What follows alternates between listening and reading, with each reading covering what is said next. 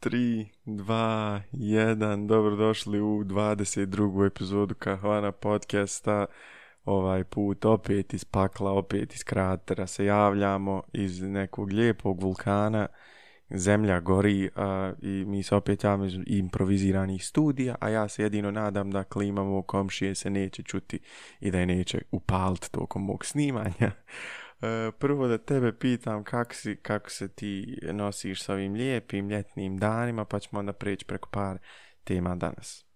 Poštovanje svima, uh, ovo je prvi put da sam rekao poštovanje svima. Ništa, znači ovo je, eto toliko taj utječe to, toplotnar na mene, onaj sam počeo ljude na vlastitom podcastu, onaj, pozdravljati sa poštovanje svima. Ništa ljudi, onaj, govorimo danas o par nekih zanimljivih stvari kao što je naš segment, ja mislim da smo već postoje segment uh, a Rimac. Čovjek je znači balkanski Elon Musk, možda evropski čak Elon Musk, možda je balkanski premala riječ, uh, koji je vjerovali ili ne, postao mislim izvršni direktor Bugatija, što je ono apsolutna ludost. Onaj, zatim imamo kripto segment gdje govorimo o nekim kripto related uh, topikima, u ovom slučaju to će biti crypto scam. Uh, Jeff Bezos je završio kao direktor Amazona, te govorimo dalje o nekim stvarima vezani za TikTok, Google i Trumpovu čak tužbu protiv Twittera i koga je još tužio, mislim da je tužio neke socijalne mreže zbog onog bana koji je bio nedavno, tako da očekujem vas onako zanimljiva epizoda, nadam se da ćete uživati i ovo ćemo prepustiti uvod Edinu da objasni nam šta je to Rimac stvar sada preuzeo Bugatti, jer svi znamo ko je Rimac, to smo ustanovili u ovim prošlim podcastima, ali evo sad ćemo čujemo šta je on to tačno onaj, uh, to da je ovo postalo segment si u pravu i opravdano je postalo segment jer ovaj gospodin nije normalan, uh, pošto, pa objektivno gledano, ja ne znam ima li ko na svijetu luđi od njega u ovom segmentu, jedino što, što je slično njemu je uh, Elon Musk, ali to je jedan čiko milijardir iz Amerike, a ovo je momak iz... Je ovaj daleko da bude milijardir. ja, ja, ali ima ovdje previše potencijala i Porsche je to prepoznao i Porsche je kao neki najveći razvojni centar u Volkswagen grupaciji ga je vidio, ponudili su mu pare, ja mislim da su oni vlasnici joj, ako se ne vram, možda 40% rimca slagač, mislim, možda je manje, više tu negdje, uglavnom imaju velik komad rimca. I on su prepoznali tu tehnologiju. Rimac je sigurno pomogao u razvijanju Porsche Taycana električnog, prave im nova, nova serijska rješenja za nova auta koje Porsche pravi. I onda su oni u sklopu, pošto je Porsche ujedno i vlasnik djelimično Volkswagen grupacije, a Volkswagen grupacija je vlasnik Porschea. To je jedan zanimljiv odnos kojem neću sad pričati, ali uglavnom komplikovano. I to, to se jedan čitav podcast mogu o tome snimiti, ali nećemo sad. I on su ga vidjeli da je gospodin lud i ponudili su mu iz VW grupacije da preuzme Bugatti. Bugatti, ko što ovdje piše, 112 godina star brand, pravi najluđa auta na svijetu. Definicija im je, ako se išta može porediti s njim, onda nije Bugatti, toliko luda auta prave i sada će sad se pravi joint firma koja će zvat Bogati Rimac koja će biti sjedište u Hrvatskoj. I ako se Bogati pravi tu Francuskoj, uh, to će raz, razvojni centar će ostati Hrvatskoj što je mind, mind blowing. Imagine Bugatti je u Hrvatskoj, razvojni centar. Ja mislim da nema jedan registrovan u Hrvatskoj, kamo da se razvija u Hrvatskoj. To ti kažem. Možda ima sad registrovan kad im... Registrovat će on par komada. Ali, mislim, ovdje, sad ja razmišljam kako je, kako su to, kako su to dali, jer Bugatti se pravi u jednom dvorcu u Francuskoj, na granici sa, mislim, bili su njemačke granice, znači da je to pokrajina Alsace i Lorraine, tu taj dio koji su bile nekad njemačke i selo u kojem se proizvodi Bugatti je zapravo ima njemačko ime, što je baš neobično, ali eto. I sad, još jedna zanimljiva stvar kod ovog je kako su kako je Porsche testirao Rimca. On su njemu doveli Porsche Panameru, koja je ono, ako se ne varam, benzinska ima hibridni model. I dali su mu neko vrijeme, par sedmica, da on to modificiraju i u istim obimu, u istom obliku auta, da ga vidiš koliko je mogu napraviti efikasnijim. Naravno, ovaj, kolege iz Hrvatske su to uzele otvorenih, raširenih ruku, uzeli su šarafci igre i počeli su rastavljati u Panameru napravili su auto drastično efikasnije i odvukli se iz Hrvatske u Stuttgart, ako se ne varam, u sjedište Porschea, da prezentuju to auto. Ovi su u Porscheu naravno izgubili kad im je gospodin dovukao auto koje, koje je drastično efikasnije od njihovog proizvoda i tako je zaslužio da vodi sad jedna dva ogromna brenda koja će biti e, Bugatti i Rimac. A još je zanimljivo da sljedeći Bugatti neće biti full electric.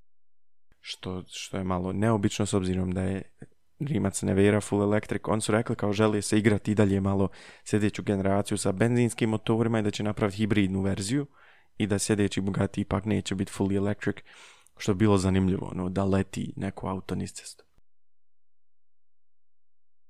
ja kao totalni onaj, noob što se tiče auta, meni je samo toliko mind-blowing da je Rimac uspio ovako nešto da ostvari iz države koja je neki, šta ja znam, stotinjak kilometara udaljena od, od, od, od gdje smo mi. I, onaj, I da je potekao i da je uspio to sve da uradi, što je ono, ja uvijek svaki podcast kak, gdje njegov segment ja kažem kapa do poda i danas sam isto tako uvjeren da ide kapa do poda. A, Bugatti je, ne znam, mislim da nismo mogli boljeg čovjeka izabrati onaj, u toj industriji da, da preuzme taj brand, jer ipak Bugatti znači nešto i Rimac će uskoro značiti isto toliko koliko i sam Bugatti.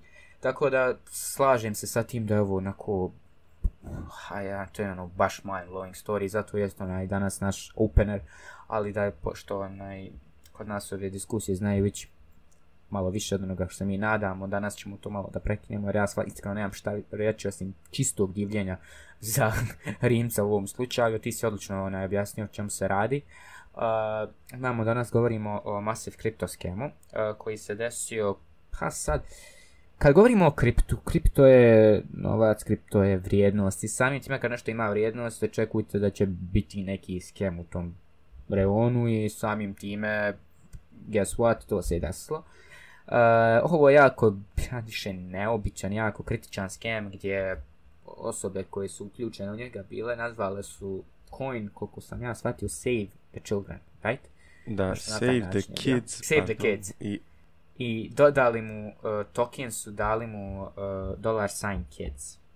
Prva stvar, jako neu, neukusno, neumusno, znači ono jako, jako ono, ne znam koja riječ je dovoljno da od prvo describe taj način o kojem govorite, pogotovo ako ćete ma skemati meni je neugodno, znači dok razmišljam ono, u, u, u organizmu mi je neugodno kad pomislim da je neko napravio svjesno skem, da skemuje ljude u svrhu isto humanitarne one prevare što se znaju desiti. Ja, da, i nazvao je Save the Children. Mislim, ovo je apsolutno ono, ludost kojoj, kojoj nadam se da će i SEC ili, ili FTC ili FBI, da će neko uspjeti da nađe nešto i da podigne optuženicu, jer ovo je iskreno ludost šta su ljudi napravili, ali uh, kad ljudi skemuju ljude na kripto, uh, kripto radi na sistemu blockchaina, to no, nisam nikad objašnjavao na podcastu, niti planiram, jer je to ono, ako vas zanima, vi imate odličnih YouTube videa uh, na, na tu temu, pogledajte šta je blockchain, ali u neku laičku svrhu rečeno, na blockchainu kad god se izvrši transakcija, i ako neko zna uh, ID tog računa, tog voleta o kojem se radi na tom uh, blockchainu, zna i ime jedne osobe. Naravno mogu biti anonimni računi ako nigdje nije objavljeno čiji je to račun, ali ako neko šero taj račun, ako je, na primjer, slao nekom drugom pare sa tog računa, tipa developer često stavi onaj taj račun da bude public ili uglavnom, ima uh, određeni track record koji se prati i ako se pojavi sumnja da je u pitanju scam, kao što vidite ovdje, čovjek je to na YouTube videu našao te account hashove i shvatio je čisto računi shvatio je da je to u stvari jedan veliki, veliki scam. Možete pogledati ovaj YouTube video ko nas sluša na, na Spotify ili na ostalim ovim uh, podcast platformama, ali vam će The Massive Influencer Scam Just Got Worse. Ima negdje oko milion pregleda. Uh, u pitanju kriptovaluta i o tome naš slično mišljenje o tim kriptovalutama koje svaki put ja kažem disclaimer, znači ovo čemu mi pričamo u ovom slučaju je jako uh, rizično, te kad je Bitcoin skakao, kad smo imali podcaste i Bitcoin je skakao, bio su one ogromne cifre, ne znam sjećate, ali sve to je bilo oko 50, 60, 70, ne znam, kada je došlo 70.000 dolara, jedan Bitcoin, uh, i onda je sam spao na, opet na 40.000, ali koliko, je već sad. Tako da govorimo, znači ovo je striktno, striktno samo priča i ovo je striktno govorimo o kriptovalutama u vidu news, nego ovo nisu nikakvi savjeti za kupovinu kriptovaluta. Znaš šta bi ja ovdje... Tako da... Ovaj kanal se zove slobodno. Coffee Zilla, ako nas sluša na YouTube, čovjek ima baš puno videa koje ću ja izgleda morat binge watchat, pregledat jer izgledaju baš zanimljivi. Jer ima neki, ima dobar, uh, dobar attention, ono, dobar fokus pravi i kad nije teško pratiti video, ovaj video traju 37 minuta i uspio sam ga pogledat. Inače video koji je 37 minuta nema šanse da pogledamo osim ako nije možda podcast. I ovo je samo highlight, ovo je samo da kažem ovo je highlight da ljudi paze šta radi na internetu, to je to. Definitivno. Jučer sam čak pročitao, nešto sam tražio kod UX dizajna i u pitanju je sada došlo do toga da je novi studij pokazao da je čovjekov attention span manji od zlatne ribice, ispod 8 sekundi. Zamisli to. Kad znači nešto vidimo, mi to vidimo, znači imamo attention prema tome je maksimalno 8 sekundi. Ta video koji traje 30 minuta da ga poslušaš, to je cijeli školski čas. 35 minuta sada nam časovi radi covida bili, znači to je cijeli čas nekog da slušaš. Ali kako on to napravio zanimljivo sa editima, sa uh, konstantnim zoomovima, sa, sa tom nekom dinamikom, dosta se vidi da je, da je naučio od, mislim da je giganat ovog svega Mr. Beast, ono da ti, da ti drži attention dok se Da, nešto to dešava, si- tako, to on si neki 15-20 minuta videa, tako da ono, sviđa mi se ovaj format videa i definitivno neću biti jedini koji će ga binge watchat. No, imamo neki, nemamo neki segway iz ovog prema Bezosu, uh, ne znam stvarno šta bi bio segway u slučaju, ali Bezos više nije CEO Amazona. Uh, govorili smo o tome neki podcast da će on biti step down, da će otići u orbitu malo sa svojom Blue Origin raketom. Sada, da li je to pametna ideja za multimilijardera i njegovog brata da se vozikaju raketom koja nije testirana na ljudima prije? Biće testirana, znači neće biti netestirana. Uh, ja mislim da je to sada ovog jula, je li tako? On Da, da to će sad biti nekad ubrzo. Uh, njih dvojica idu ispitat svoj, ono, ko braća Wright, Wright Brothers, znači, ono, prvi avion, navodno. Kako su braća Wright završili? Su oni spjeli spustiti avion? A, ma jesu, nisu, ja mislim, nešto puno ni letli, ali jesu, s obzirom da je to bilo od drveta. Ja mislim da on tehnički, ne znam, su on prvi napravili avion, a valjda su, valjda su imali prvi let. Ja znam da je Da Vinci prvi imao zamislio o helikopteru i... Da, oni su prvi vjerovatno dokumentovani, jer to ti ono, nije pitanje ko je prvi, nego ko je prvi dokumentovan i uspio biti dovoljno napravio, popularan. Da, ko je prvi uspio. Da, ko je bio popularan u to vrijeme. Ništa, znači Jeff Bezos, richest man alive, trenutno je 20 milijardi izna, ispred, ma mislim, Elon ako ne varam se. Uh, šta da vam kažem, čovjek ima zanimljiv, čovječanstvo uh, ima- odnos prema Čovječanstvo svemu. ima potencijal da izgubi e, nekoliko milijardera u, u, u par dana. znači, ne možeš vjerovat. Ode i onaj drugi. Ali, ne bi, aj da, Richard Branson. A, vidi, ne vjerujem da će baš se nešto posebno desiti, jer ovo je, mislim, put koji čak oni ne idu, ne ulaze u orbitu, nego idu iznad samo kao planet. Isto da je skakao na Felix Sturm, Felix sam je. tako zvao, nije to. Ne, Felix, A, dan Felix skakao Baumgartner, pardon, Felix Sturm je bokser, pardon. A, vidiš, taj Felix ba, na B čovjek, onaj, on je skakao iz iz tog nekog dijela na zemlju, ja mislim da je to onaj space jump bio. E sada, da, da, da Blue Origin još nije uspio ući u orbitu. Tako Ovo će da, biti neki ne malo da će. napredniji let avionom. Stunt, to će biti marketing stunt, ja mislim, najviše. Uh, da, da je vidio da Blue Origin ide, znači gubi konstantno kontrakte od SpaceXa, jer SpaceX je 10 godina ispred svih ovih kompanija, tako da ne, ja tu priča će neko pobijeti SpaceX do, do, do Marsa. Apsolutno se ne slažem da iko može, čak ja mislim da ni, ni Lockheed Martin i, i Ma kineska vlada se bori da ode u... Mm, Da, ali on se bori da je 30. a Elon Musk je rekao da planira 2025. 22. pa on te pomjera datume kako stigne. Uglavnom, ono, znaš, To je tačno, ja... zanimljivo je razmišljati o tome, ono, znam se gledaš live stream feeda, ide raketa, kaže za dva mjeseca se vratite, trebala bi bude na Marsu. A ono, svaki dan ide kao update sa, sa Pa vidi, ja ne znam kad se... Jer ne mogu uspavati tog puta, ali tako, oni ne mogu uspavati ili taj Pa ne znam, ono... ono, artificial com. Ja čisto sam Ma neće, to će biti nešto drugo, ali to će biti najzanimljiviji, ja mislim, space event poslije 69. Poslije Apollo Prvog slijetanja ono, na mislim, mjesec. Ovo je, to je prva, znači, prvo slijetanje na drugu planetu ikad od human, humankind. Možeš misliti da smo mi u 70 Tako godina je- odšli od, do toga da nismo skoro nikako Sam- bili van planete i idemo na dvije. ono, Na dva, sve, nije dvije planete, Da. nego mjesec Mars.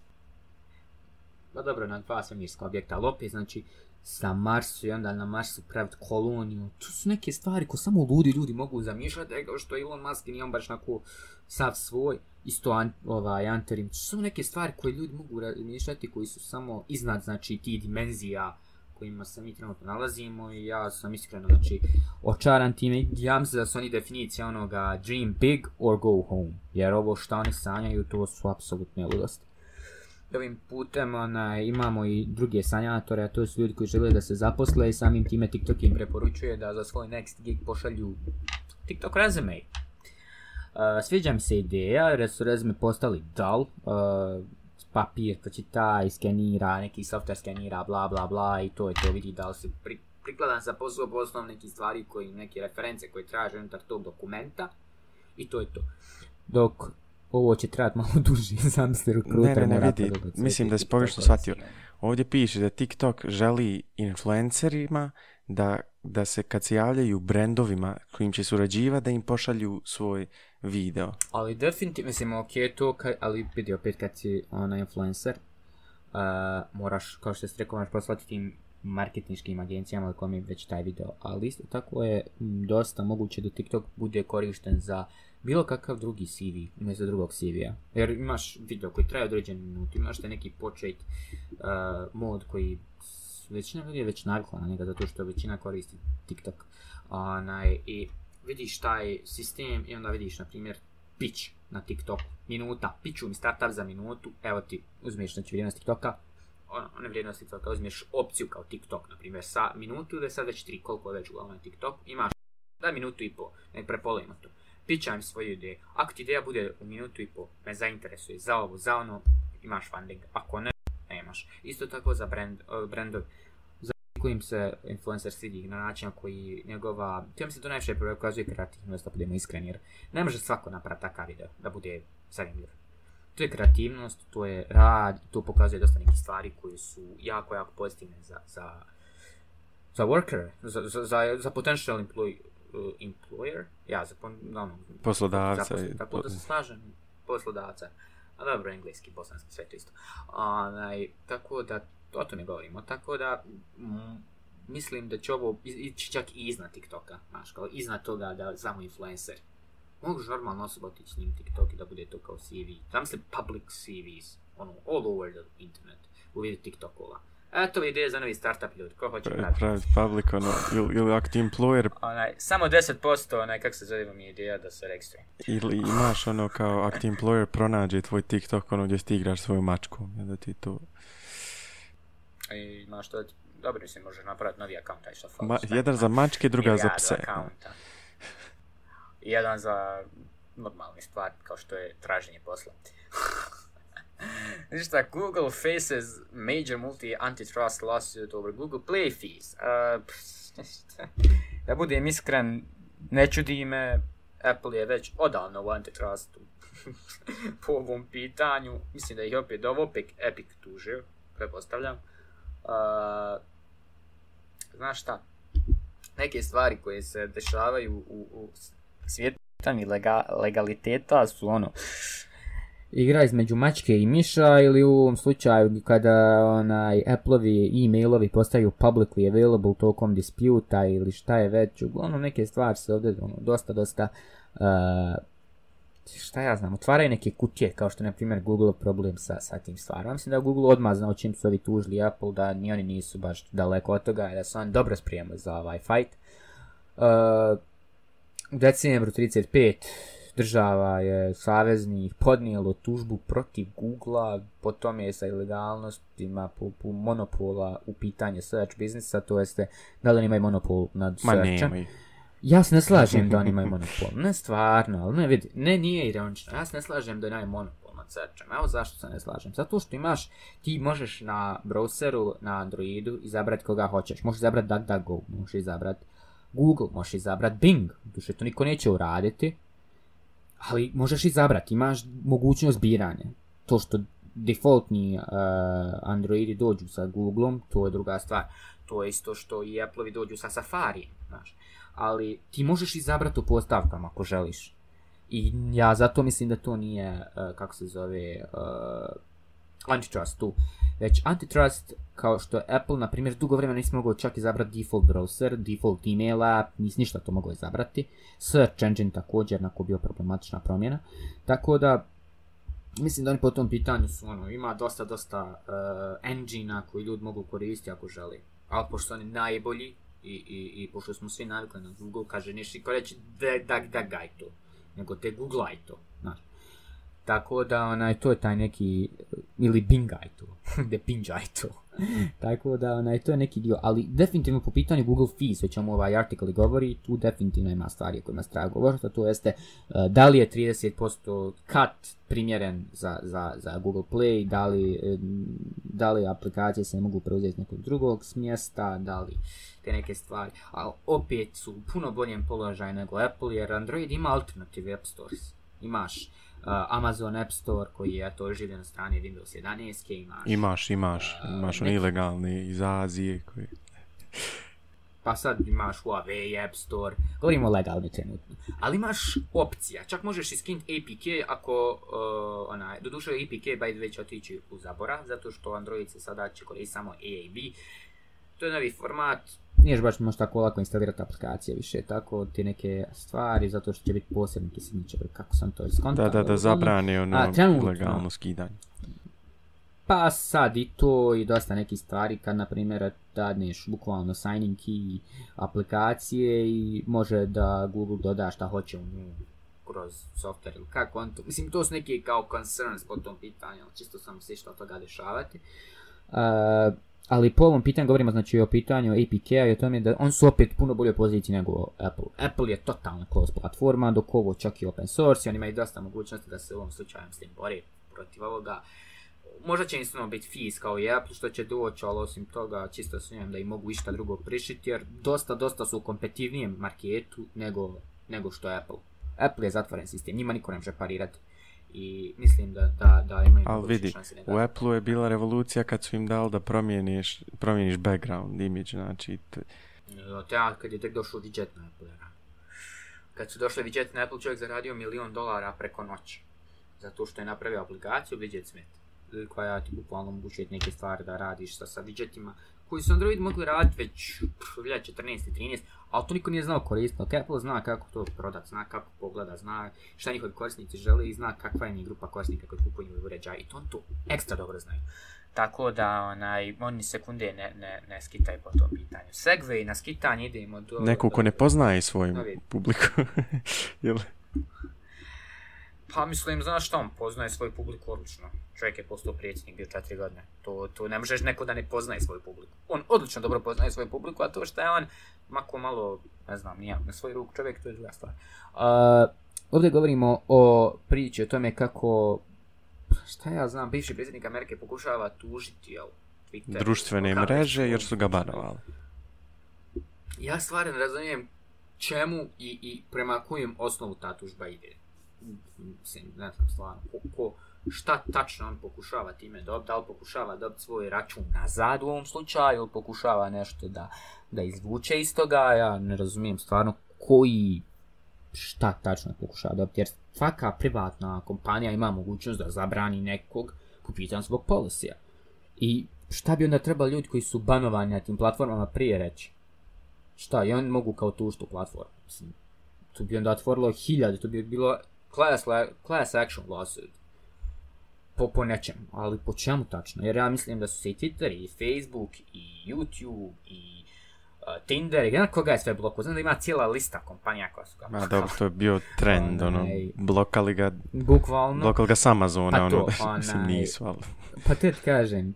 Tako da ima neki stvari koje definitivno su, ono, i da su te kompanije ekstra dobro zaštićene po pitanju legalnosti i kogod nađe neku rupu, mislim da će uvijek biti neki način da se to objasni, zato što banovat nekog sa tvoje platforme koju ti plaćaš, servis koji ti plaćaš, račune koji ti plaćaš, servere, zašto ti plaćao server podataka ili server tweetova ili šta god, da neku osobu koju ti ne želiš da bude tu. Sad je pitanje da on govori free speech. Free speech, free speech ok, ali free speech na privately on platformi je samo uh, u ovom slučaju, ne govorimo o tome da je to must, nego govorimo da je to nice to have, jer oni ne moraju imati free speech uopšte na platformi. Ne mora, ne, ta platforma ne mora uopšte podržavati free speech. Ok, ona se advertajza kao takva, ali ne mora. Jer, ne znam, mislim po, po legalnosti nekima ne, ne mora, ali on, sad je sad naš pitanje kako mi te platforme smatramo. Da li mi smatramo te platforme kao platforme koje su stvari kako da kažem, u, u, u nekom nivou odgovorne za sav socijalni efekt koji se oko njih kreirao, taj ripple effect o kojim, o kojim, se priča. Tako da ne znam, šta ti misliš o ovom sve? To što ti govoriš da je privatna platforma, privatna firma, to je tačno. Ja ako imam svoju ma trgovinu, da prodajem jabuke, ako ja tebe ne, ne, ne želim ti prodati jabuku jer, si mi, jer, mi se, jer mi ometaš biznis, na primjer, ja ću tebi zabraniti da neću prodati jabuku. To je najbanalniji pristup. Ali ljudi imaju, ova dva spektra idu, uh, mislim, dvije krajnosti. Uh, ovi što su ga, što smo zabranili, on kažu, hej, ne možeš ti promovisati takve, ono, takve ideje ovdje i nećeš, prijatno i. Uh, Trump se bori s te strane, ne možete vi mene banova, to je anti-free speech, anti-Amerika, ali mislim da treba ići iz druge strane, da je ovo problem da li mi želimo da Big Tech ima volku zapravo kontrolu nad nama. Jer e, ja sam za to da svako, da se treba mišljenje izražavati, pa čak i oni ljudi što misle da su ptice dronovi, da je zemlja ravna, nekom pričaju slobodno.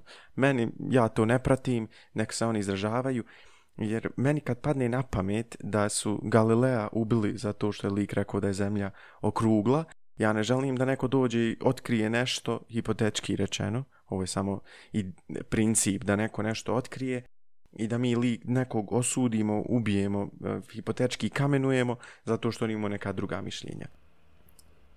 O, razumijem. Problem u ovom kod mene, i razumijem o čemu govoriš i definitivno se slažem s tim donekle, ali uh, u ovom slučaju je bilo pozivanje na nasilje na platformi kojoj je to zabranjeno i time slučajem je to ugašeno, jer pozvani na insurrection. Da, tačno. Tako da je to bilo i ja mislim da tu nema opravdanja da ti bilo kakvo mišljenje koje ima veze sa, nasilnim, sa nasilnim ponašanjem i stvari, napadanjem druge osobe i pozivanjem na, na, na krvoproliće, mislim da treba da bude sankcionisano sa public foruma. Ako želi ljudi da budu javno, da se čuju, uplati odglas u novinama, uplati odglas na televiziji. Mislim ono, jer ti kad pozivaš na tako nešto, ti kršiš prava drugih ljudi koji su na toj platformi. Eh, praviš anksioznost, praviš strah, kreiraš neke stvari koje mogu da utiču na uh, manipulaciju, manipulaciju onih dionica, mogu da utiču manipulaciju čovjekovog mentalnog stanja, mentalnog stanja okruženja u kojem se nalaziš. I dosta ti neki stvari što čime bi ja sad mu možda zvuči nakon nelogično, ali bi, bi drago mi je kad takve platforme uh, stvarno na kraju na tome da, da održe, iako oni se ponašaju kao policajci, definitivno slažem po tom pitanju, ali po pitanju nasilja, ja mislim da jedno nasilje prema jednoj grupi nije opravdano. I smatram da u ovom slučaju ne, govorimo, kad govori o Gale, Gale, da je on živi u naše vrijeme, da ima isto takve ideje koje se kosle prema tim, slažem se da bi ga ljudi drugačije gledali, ali danas nećete, imaš dosta drugačije otvoren, znači forum ljudi koji će ući s tobom u diskusiju, često kad uđu u diskusiju njihov je mind već made up, znaš, već znaju šta da, da su oni pravo, ali u rijetkim slučajevima uđeš u neku korisnu diskusiju. Tako da, ne znam, mislim da, da bilo kakvo pozivanje na nasilje ne može biti opravdano na public forumu, ma kakva bila privatna, ma bila kakva ta, uh, taj sistem. Tako da, ne znam, ako, ako je freedom u pitanju i ako je to neki dio kom se govorimo, ne, ne, ne, da li mi damo big tech da, da ona hendla te stvari koje, koje, koje potječu na to i da oni stvari određuju pitanje moralnosti, odnosno opet mi dolazimo do onog psihološkog pitanja, sociološkog pitanja šta je to moral, o čemu mi pričamo. Moral kao definicija nečega što kao mi društvo smatramo nekim planom, smatramo nekim uh, stubom koji treba da, da, da prema tome se odnosimo i da prema taj stup poštujemo. Pretpostavljam da bi to trebalo biti pitanje morala. Da li moral se mijenja kroz, kroz vrijeme mijenja, da li se mijenja i neke stvari mijenjaju, tako da dinamično, dinamično se to sve dešava, ali opet u pitanju e, šta društvo misli i očigledno društvo koje koristi takvu mrežu misli da je ono što je taj gospodin radio na toj mreži bilo nedolično toj mreži da je bilo zaslužen ban. Ali ja ne mogu da govorim o tome sad kako, kako je Twitter ovo handlo, zato što je Twitter je njemu, znači prvi put Twitter je znači morao da stavi radi, radi, radi predsjednika nekog uh, konstantno fact checking, konstantno neke stvari koje su ko se same sa sobom, ali opet imaš neke stvari kao što smo primjer kuda je potekao koronavirus koji je toliko politicizirana tema, da dok su e, republikanci govorili da je to poteklo iz kineskog laboratorija u Wuhanu, mi smo svi govorili da nisu normalni, znaš, kao, jer su bili proni na tom je da ne govore istinu, da, da samo pokušavaju uh, razgrnuti taj, taj hate prema drugima, ali onda kada su demokrate došli onda vidjeli ok, i njihovi špijuni ili ko je već bio tamo ili ko je već uh, shvatio da bi se tome nešto više moglo raditi o tome i rekao aha, pa ovo stvarno se moglo desiti i sad mi opet idemo, znači sve te left wings, right wings, nije bitno, oni su znači, svi odbili ili primagli tu priču i onda se izgubio taj cijeli sistem.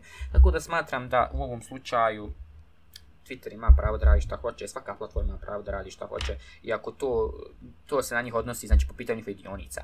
Ako im dionice padnu, on će svat da spogriješiti. Ako im ne padnu, nikom ništa. Sada, ko ih tuži, ja mislim da će on to podnijeti bez ikakvih problema, tako da, eto, tim bi ja završio onaj, moj... Ja bi to, to, to za, za tu slobodu ideja, na primjer, meni padne na pamet, uh, reportaže o Elonu Musku kad je on govorio hej rakete će se slijetati lekčna auta pa kad ja mislim da je plako u emisiji 60 minuta američkoj kad su mu rekli kad ga je pitao novinar je šta misliš što tebi Neil deGrasse Tyson govori da si ono budala što to radiš?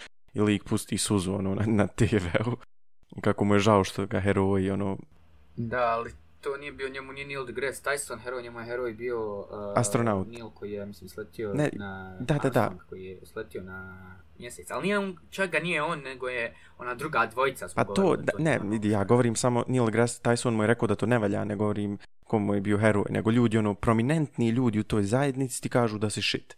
To isto da tebe dođe sad, pa, to isto da tebe sad Jack ili Zuckerberg, ono, direktno napadnu i kaže koji si ti debil, ono. I misli kak je...